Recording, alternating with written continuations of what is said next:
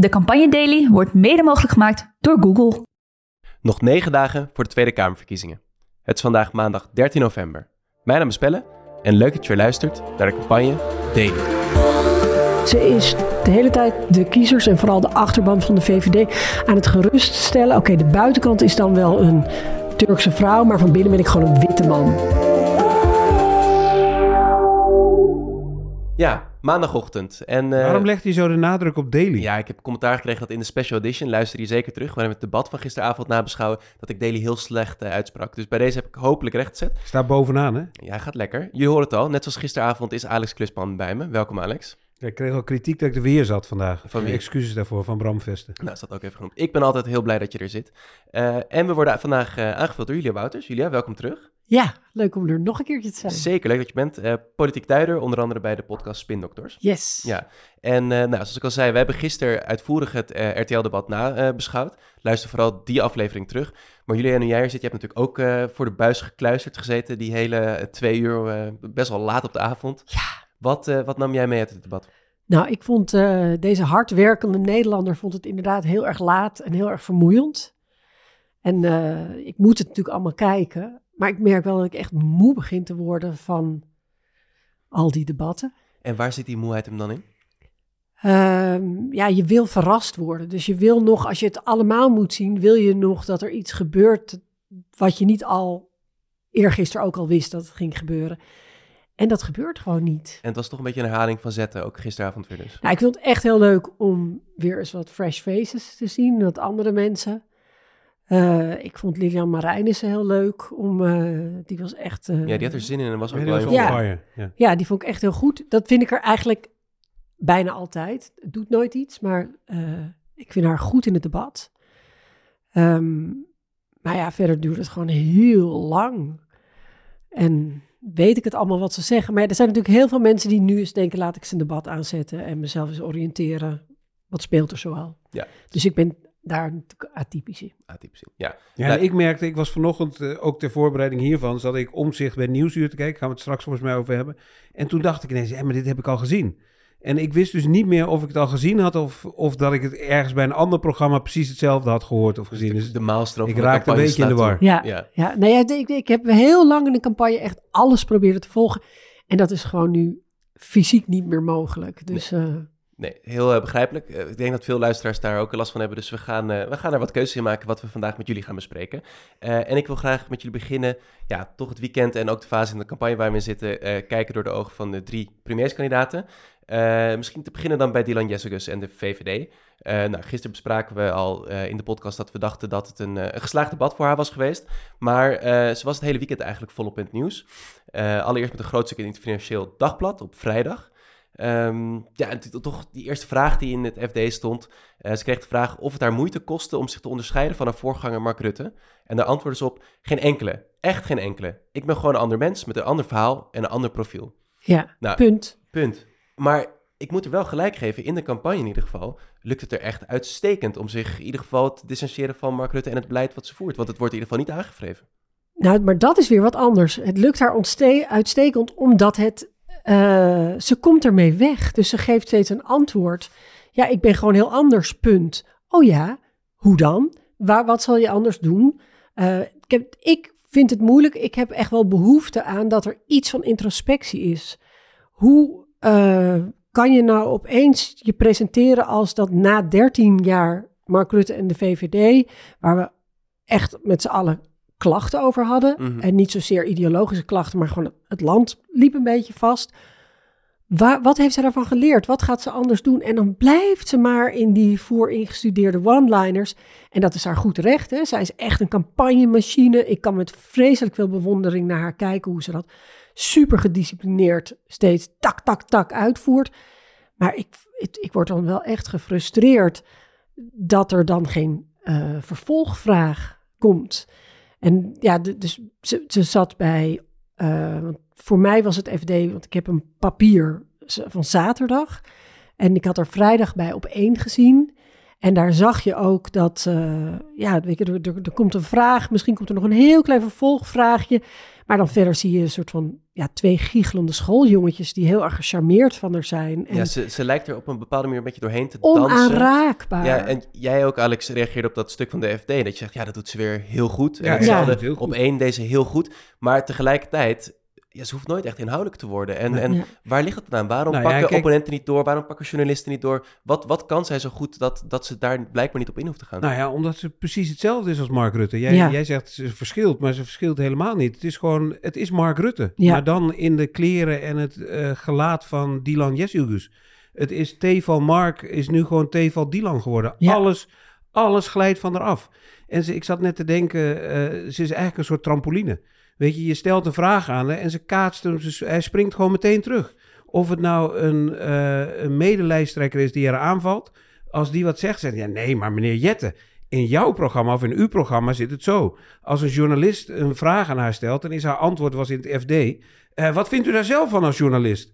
Het is bij alles kaatsen terug. En bij alles zegt ze dat ze concrete maatregelen heeft. En En concrete plannen. En, en, en Ja. is. Ja. Maar het komt er niet uit wat het is, omdat niemand het haar moeilijk maakt. Nee. En ehm, het is gewoon dus weer Mark Rutte. Dus het is allemaal op beeldvorming. Hoe komt het over? En daar is de VVD echt een monstermachine in. Dat Ja. doen ze zo ontzettend goed. Daar kan ik vanuit mijn eh, Campagnematige blik, ja, professionele met blik. heel veel bewondering naar kijken. Maar ik vind het eh, voor het land echt heel erg. En eh nou, ja, verkiezingsdatum komt dichterbij. En een kabinet Jezus 1 wordt daarmee ook steeds realistischer. En daardoor komt nu ook wel in deze laatste fase steeds nadrukkelijker, ook in de interviews waar we het net over hadden, op tafel te liggen van, wordt zij de eerste vrouwelijke premier van Nederland? De FD vroeg ze ernaar. In de Volkskrant wijde Loes, eh, journalist Loes Rijmer een eh, lang stuk eh, over. En op één werd ze ook naar gevraagd. Laten we heel veel luisteren naar wat ze daarover zei. En die kaart van ik ben vrouw dus ga voor mij, die heb ik nooit in mijn leven gebruikt. Dus het zou ook niet bij mij passen om dat nu op tafel te leggen. Zelfs ik, vind, niet als dat de torentje op zou leveren. Ik denk dat ik dat met mijn eigen capaciteiten, waar ik zelf hard aan heb gewerkt, dat beter kan dan waar ik toevallig mee als geslacht mee geboren ben. Ja, hoe kijk jij, Julia? Eh, ja, ik weet, jij bent een verwend voorvechter van meer vrouwen in de politiek. Zeker. Hoe kijk je naar hoe Dylan Jessicus met deze vraag omgaat? Eh, nou, campagnematig weer ontzettend slim, want de achterban van de VVD heeft er geen moeite mee om een vrouw te kiezen. De VVD heeft historisch gezien altijd echt heel ijzersterke vrouwen gehad. Maar dan moet je wel echt gedisciplineerd zijn en inderdaad nooit de vrouwenkaart spelen. Dat is de voorwaarde op het mag. Zo mag ze ook heel gedoseerd alleen maar om eh, het over migratie te hebben en te verklaren waarom ze zo super streng is het daarover hebben. Weet je, ze, ze is eigenlijk de hele tijd aan het bewijzen, oké, van buiten ben ik wel een vrouw en die charme zet ik ook in als het van pas komt. Hè. Dus ze is niet mevrouw Jezilgus, maar ze is Dylan en ze staat naast je. Ze speelt wel degelijk, zeg maar, de vrouwenkaart op die manier. Ze, ze luistert naar je, ze is empathisch en daarin is ze anders dan. Eh, maar ze, ze is de hele tijd de kiezers en vooral de achterban van de VVD aan het geruststellen. Oké, de buitenkant is dan wel een Turkse vrouw, maar van binnen ben ik gewoon een witte man. Hè, dat, dat begon natuurlijk al met die HJ schoollezing, waarin ze de gevaren van het land ging, zo 1, 2, 3 ja, een aantal jaar aflopen. geleden hè, mocht ze die geven. Ja, en nee, is korter geleden. Maar eh, toen begon ze meteen met te zeggen dat ze eh, het, grootste gevaar van Nederland wokisme vond. En ja, ik zeg altijd, er zijn allemaal haken en ogen aan het doorgeslagen wokisme, maar het lijkt me niet het nummer één gevaar voor Nederland. Maar voor haar als vrouw met een migratieafkomst is het heel erg belangrijk dat ze de hele tijd gerust stelt. Ehm, en je ziet ook, het, het grappige is, Edith Schippers was er ook naar gevraagd. En die gaat ook zeggen dat het voor haar niet belangrijk is. Terwijl wat ik heel erg zeker weet, van in die periode dat Mark Rutte had gezegd van dat hij zijn ministers op kwaliteit had gekozen. En dat hij dus niet zo met man-vrouw had. Edith Schippers heeft hem nog net niet helemaal in elkaar gebeukt. Dus er verbaal wel van, Ze ja. vindt er echt wel wat van. Maar nu in de campagne is iedereen weer gedisciplineerd. En is de boodschap. ehm, nou, het zou mooi zijn als een vrouw in het torentje komt. Maar ik ga nooit die vrouwenkaart spelen. En, en eh Loes Rijmer had ook een grappig stuk. Want het is dus ook geen onderwerp in de politiek. Omdat voorvechters van meer vrouwen in de politiek. willen natuurlijk heel graag ook vrouwen die juist wel durven een agenda die ook eh, inclusief voor vrouwen is. Of inclusief voor mensen met een migratieachtergrond. En dat doet ze helemaal niet. Dus hij heeft een puur mannelijke witte agenda. Eh, nou, dus VVD'ers kunnen gewoon met een gerust hart op haar stemmen. Ja. Een premier uh, Jesse Gus, zie je het gebeuren, Alex, na dit weekend? Ja, zeker. Ik ook. Ja, echt. eh, Ik zou bijna willen zeggen, geen twijfel mogelijk. Nou, Zij wordt de premier. dat zijn En, buiten en uitspraken. aansluitend bij, bij Julia, ook ja, ik als eh, campagneman kan genieten van de campagne die, ze, die, die de VVD voert. Maar tegelijkertijd doet het zoveel pijn. Ja, ik ook. Weet je, doet het inhoudelijk zoveel pijn om te zien dat je dus met slimme campagnetrucs, met goed voorbereiden, met een slimme strategie, ermee wegkomt dat je het land naar de knoppen hebt geholpen. Nou, over die vergezichten wil ik aan het einde van deze podcast nog even eh, hebben met jullie. wil Eh, of die nog- nou wel of niet nodig zijn. Ehm, ik wil heel even door naar eh, Frans Timmermans. Maar dat wil ik niet, want ik wil nog één ding zeggen. In het FD-interview gaat het ook even over die tonnen die ze binnenhalen bij de, eh, voor de campagne. Ehm, en zij zegt dat ze niet te koop is en dat, het, dat ze, ze beledigd is dat er getwijfeld wordt aan haar integriteit. En ik maak me echt zorgen over het voortbestaan van de democratie. Want als een partij heel veel meer budget heeft, dan kunnen ze daar ook meer mee. En dat merk je ook. Het is zo'n campagnemachine, omdat ze hebben alles getest. Ze kunnen de beste mensen inhuren. Ze kunnen de grootste billboards inhuren. Dan weet ik nog steeds niet of je daar verkiezing mee wint. Maar, dat helpt wel. Zeker. En zij, eh, eh, bijvoorbeeld Otto Workforce, heeft met drie ton, dus Het is alle... een bedrijf dat arbeidsmigranten naar Nederland haalt. Ja, En waar Gert-Jan Segers Ja, ook die schijnt er ook actief bij te zijn, ja.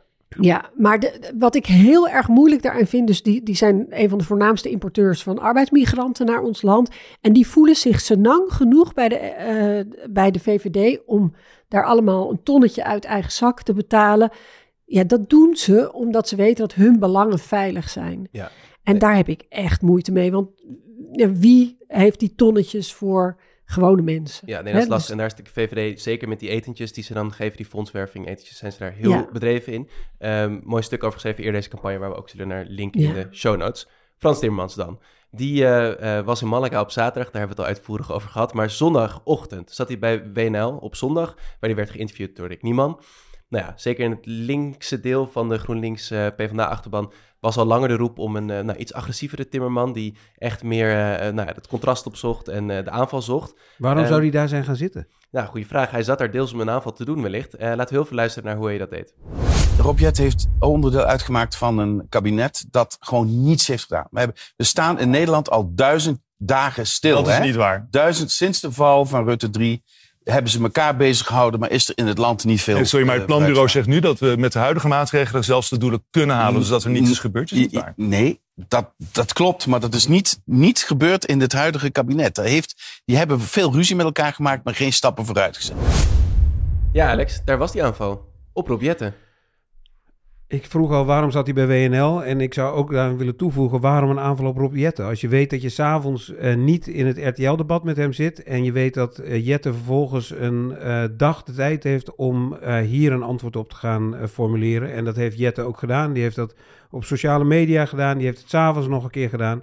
Ik snapte niet waarom hij deze aanval op Jetten pleegde. Had een aanval op Jezielgoes gepleegd.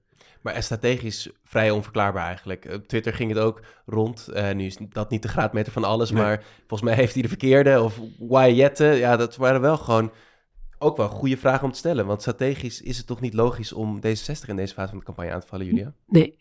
En ik kan, heb wel een verklaring waarom hij bij WNL gaat zitten. Ehm, ik heb de hele tijd het gevoel dat de PvdA een afweging heeft gemaakt, 100% strategisch. Dat ze op links, eh, daar zijn wel stemmen nog te winnen bij andere linkse partijen, maar daar worden ze nooit de grootste mee. Dat is de ambitie, de grootste te worden. En dus moet hij die middenstem, daar moet hij lospeuteren. En dat doe je bij WNL. Dus dan zit je, eh, dan kan je, eh, word je rechts ondervraagd, dan kan je een beetje links van rechts manifesteren. Hij had een heel sterk geluid op Israël. Ja, Eh, maar dat was tegelijkertijd best gevaarlijk, vind ik. Ik vond het een heel mooi en moedig, eh, mooie en moedige stelling die hij nam hè, tegen Ja. Hamas. Eh, maar je voelt al meteen dat dat zijn weerslag gaat hebben op het linkse deel van, Ja, en- van, van de fusiepartij die, die hij vertegenwoordigt. Maar En buiten, dat zag je volgens mij smiddags bij die klimaatmars. Waar blijkbaar de PvdA werd weggejouwd op het podium op het Museumplein.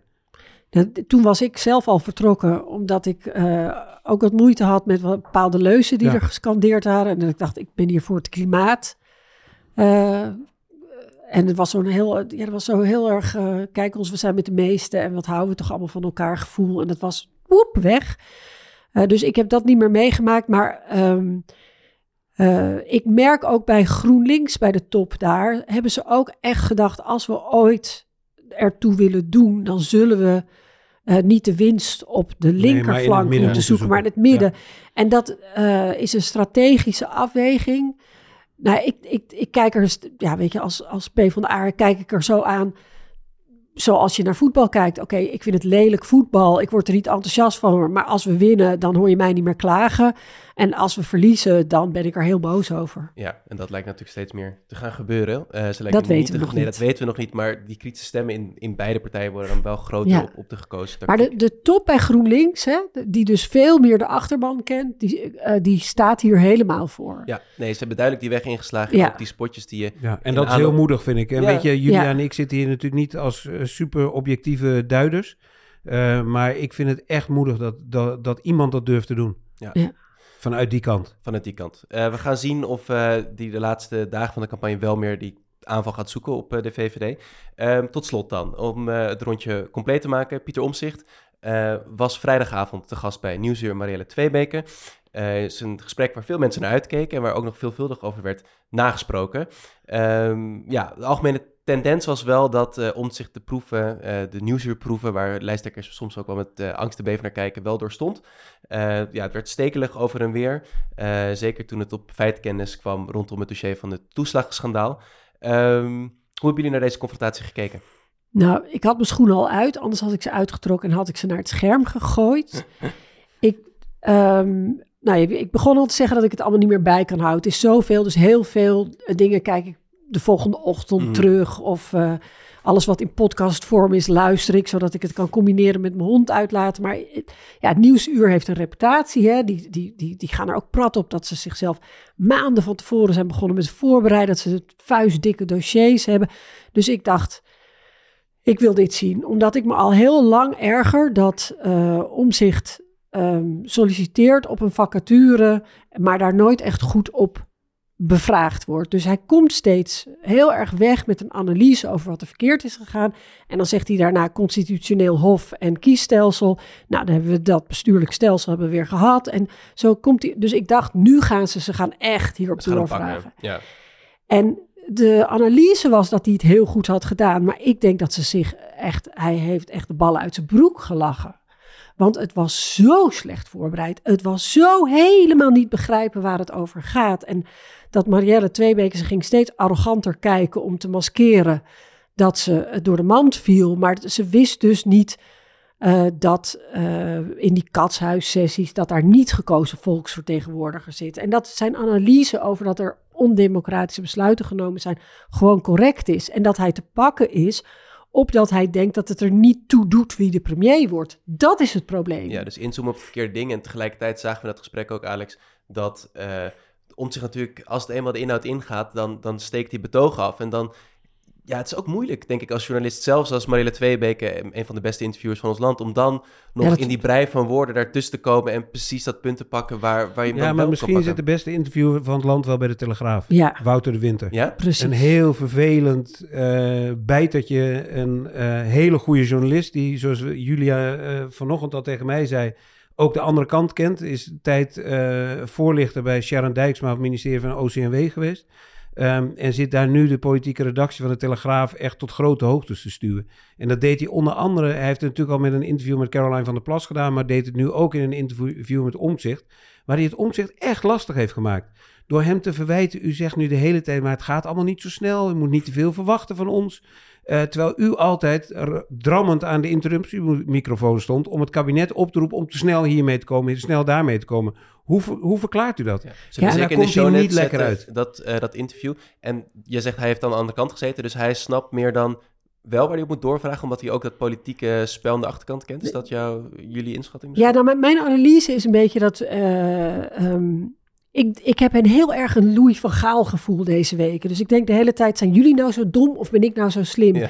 En dan denk ik, er zijn natuurlijk heel veel journalisten die wel heel veel weten omdat ze goede relaties hebben, maar nog nooit hebben gezien, ik zeg altijd, nog nooit gezien hoe de worst gemaakt wordt. Dus nog nooit hebben gezien hoe de binnen, wat gebeurt er nou op zo'n ministerie? Wat doen al die ambtenaren eigenlijk? Wat gebeurt er als er kamervragen gesteld worden? Hoe kom je tot een besluit?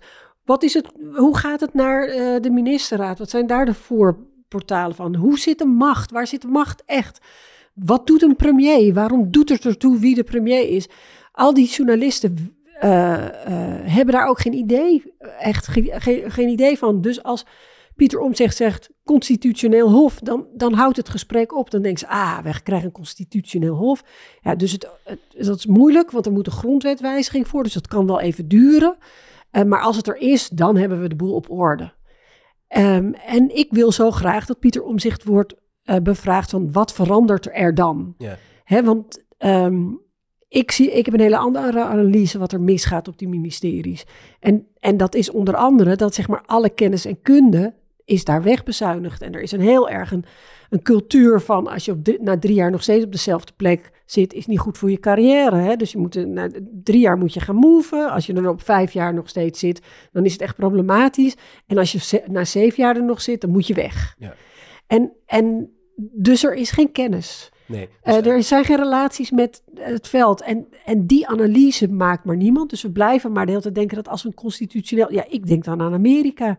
Dat ze daar het constitutioneel hof daar de abortusrechten hebben ontnomen. Ik vind het een doodeng ondemocratisch idee dat er zeven of negen mensen ergens gaan zeggen... En, ingrijpende besluiten kunnen maken. ja, en, en ik vind juist al heel, erg dat de ma- macht heel erg weggenomen wordt bij het parlement. Bevraag hem daarop, maar hij komt er steeds mee weg. Ja, dus een oproep aan de journalisten van Ja, eh, en nog heel even terug naar Wouter de Winter. Kijk dan ook meteen Ja. even naar het interviewtje dat hij op camera doet met Frans Timmermans. eh, na afloop van het eh, maken van de voorpagina van de Telegraaf. Ook zeer de moeite waard.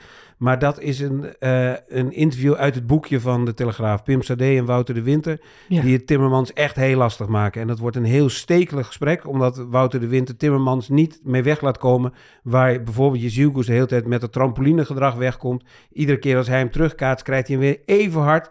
Alsof er een tweede trampoline staat, krijgt hij weer keihard terug in zijn gezicht. Het is echt een buitengewoon ongemakkelijk interview. Nou, bij deze een eh, shout-out eh, naar de Telegraaf en de journalisten, eh politiek journalisten daar. En een oproep eh, naar de andere politiek journalisten. Ik wil even met jullie afsluiten door het te hebben over eigenlijk een vraag die we gisteren in de nabeschouwing eh, van het debat een beetje opwierpen. Ehm, ja, laten politici eigenlijk hun oren te veel hangen naar kiezers? Eh, Alex, jij was daar wel vurig over, want jij vond gisteren het debat, maar misschien ook wel deze hele campagne daar echt een soort van uitstekend voorbeeld van dat, dat eh politici vooral eigenlijk bezig zijn met misschien hun interne onderzoekjes, wat kiezers nou belangrijk vinden en waar ze moeten zitten en welke nuances en toons moeten pakken, maar niet met die vergezichten eh, die ze eigenlijk zouden moeten schetsen aan de kiezer. Ja, eens. Ja, helemaal. De, ik zei dat gisteravond. Wilders zegt, eh, kiezers zitten niet te wachten op vergezichten. Het land zit te wachten op vergezichten. Het Ja. land is, zoals ik gisteren zei, kapot. De wereld is kapot. Alles is kapot gemaakt in Nederland door twaalf jaar VVD-beleid. De kiezers zitten te wachten op hoe we het gaan herstellen. En die, gaan, die zitten niet, die, die, die, we willen dat dit land hersteld wordt. En we willen niet dat er wordt gezegd, oh, maar woningen zijn nodig, dus laten we alle duurzaamheidsregels maar Maar varen. waar komt dat dan door? Waarom denk je dan toch dat we in deze vorm van politiek zijn terechtgekomen? Omdat die we jij- leiderschap missen en omdat politiek tot een eh, beroep is geworden van beroepspolitici. Die Ja. meer bezig zijn met hun eigen positie dan met waar ze voor zouden moeten staan, het land beter maken. Is dat een analyse die jij deelt, Julia? Ja, ja ik, ik voel me eh, steeds ongemakkelijker, hè, want ik ben dus eh spindokter, politiek strategisch adviseur altijd geweest. Ehm, en vorm doet ertoe, eh, maar inhoud nog meer. En ja, ik krijg een soort van hunkering, ook als ik naar mijn eigen politieke partij kijk. Hè.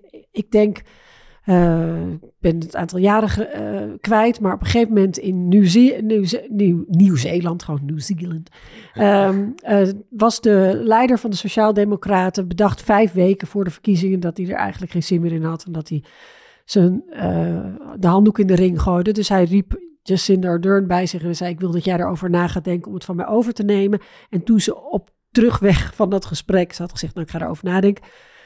Terug naar huis reed, of weet ik veel waar ze naartoe ging, hoorde ze op de radio dat ze het ging doen. Dus zij werd gewoon voor een feit gesteld. Ja, ze moest het gaan doen. En eh, dat was toen bij BKB. eh, toen hadden wij haar op een straalverbinding, mochten we er interviewen. En toen zei ze, ja, ze had geen tijd meer om na te denken over strategie. Ze kon niet meer denken van hoe pak ik het precies aan. Het was gewoon, ja, weet je, 1, 2 in godsnaam, God zegene de greep, gaan ervoor. En ze heeft dus gewoon bij, op alles gezegd wat ze ergens van vond en hoe ze erin stond. En zij is toen met een enorme meerderheid eh, Gekozen. gekozen tot premier. En ik als hè, de, de- jij zei het net zo mooi. Ik kan ook met veel respect kijken naar die knalgoede campagne van de VVD. Maar ik verlang zo naar gewoon mensen die weer ergens in geloven en ergens voor gaan staan en risico's durven nemen en ervoor voor, gewoon voor gaan. Ja, dus echt die, vanuit de inhoud vertrekken en niet eh, rekening houden met wat iedereen daar Ja, wel of niet van vindt. Ja, en Ja, maar zelfs en de- ja, maar- inhoud is al een, woor- een, een, een campagnewoord campagnewoord. geworden. Oké, want tegelijkertijd... Ja, en dus, Pelle, het gaat dus om eh, niet nadenken over je eigen positie, maar nadenken waar je het voor doet. Ja, Het is een tijdelijk iets wat je doet. Je, je, weet je, je zielgoed zegt overal, ik ben hier om het land te dienen. ja. Als je er bent om het land te dienen, moet je het land ook proberen beter te maken. En moet je niet proberen het zo te doen dat jouw partij eh, de macht behoudt, dat jij je positie behoudt. Dat, je moet ook durven die positie in de waagschaal te stellen. Zeker, maar tegelijkertijd, en dat, dat is dan de vraag, de, de, de man van deze campagne is Pieter Omzicht. En eh, nou, kijk, naar jullie zijn dat natuurlijk niet de politieke ideeën waar jullie misschien heel erg warm van enthousiast van worden. Maar ik, Oh, maar ik dat is niet mijn probleem wel met hem. Het, nee, maar ik heb wel het gevoel dat kiezers denken dat hij bij uitstek iemand die dat doet in deze campagne, die zegt van, ik ga dit voor het land doen, eh, ik sta Ja. voor een nieuwe bestuurscultuur. Misschien ben je het niet eens, maar ik kan me wel voorstellen dat hij bij uitstek iemand is die, die kiezers wel het gevoel geeft en het idee geeft dat hij vanuit de inhoud vertrekt en, en zijn eigen positie daar ook eh Kijk, ter ik, discussie durft ik te vind hem een hele erg conservatieve vrouwhater. Eh, dus ik heb inhoudelijk Ja, wel wat problemen met hem. Maar wat mijn probleem hierin is, is dat ik vind het, het is niet fair. Hij komt solliciteren op een functie. En als hij vragen krijgt, dan zegt hij... eh, ja, maar ik heb pas afgelopen vrijdag bedacht dat ik eh, wilde solliciteren op deze functie. Dus eh, ja, dat heb ik me allemaal niet op kunnen voorbereiden. Ja, dat weet ik allemaal nog niet hoor. Dus als je me aanneemt, ja, dan ga ik het dan wel zien. Dat hij heel lang heeft moeten nadenken of hij het wel of niet deed, dat maakt het ingewikkelder voor hem. Maar dat is niet mijn probleem en dat is niet het landsprobleem. Het land verdient een leider die er klaar voor is om het te doen. En die ook realiseert dat eh, eh, als er straks een aanslag eh, in Nederland is, als er weer een pandemie is, nou ja, laat ik er niet een hele rij met rampen op gaan maar we hebben ook moreel leiderschap nodig. We hebben ook iemand die de, het, het land bij elkaar houdt. Hè. Dit is nu een vacature die, for God's sake, door de burgemeester van de hoofdstad wordt opgenomen, omdat er een totale vacature van moreel leiderschap in het land is al 13 jaar. En daarvoor was het ook niet al te best. Dus we, we, we, hebben echt een premier nodig die er staat en die wat vindt en die ons kan troosten en die vrede kan bewerkstelligen. En dus maakt het uit. En hij, hij, hij moet zich schamen dat hij zegt dat het niet uitmaakt. Nou, Pieter, ik hoop dat je luistert en eh, de woorden van jullie uit de harten neemt. Ehm, daarmee zijn we rond voor vandaag. Eh, nog even een volgtip die ik aan jullie mee wil geven is eh, dat de Telegraaf weer allemaal pagina's heeft gemaakt door lijsttrekkers, voorpagina's. Heel interessant om te zien. Telegraaf heeft een mooi stuk achter de schermen hoe dat te werk ging. Dat is nog het allerleukste. ja, dat zetten we in de show notes. Dat is echt lekker. Maar zeker ook even online even scrollen tussen welke keuzes ze allemaal maken. Echt een mooi traditioneel campagnemoment in de Nederlandse campagne. Waar we zeker naar gaan moeten kijken. Ehm, dank Alex. Dank Julia dat jullie vandaag bij mij wilden zijn. Eh, morgen zijn we terug om 4 uur in je favoriete podcast app. Like, deel en abonneer. En tot morgen.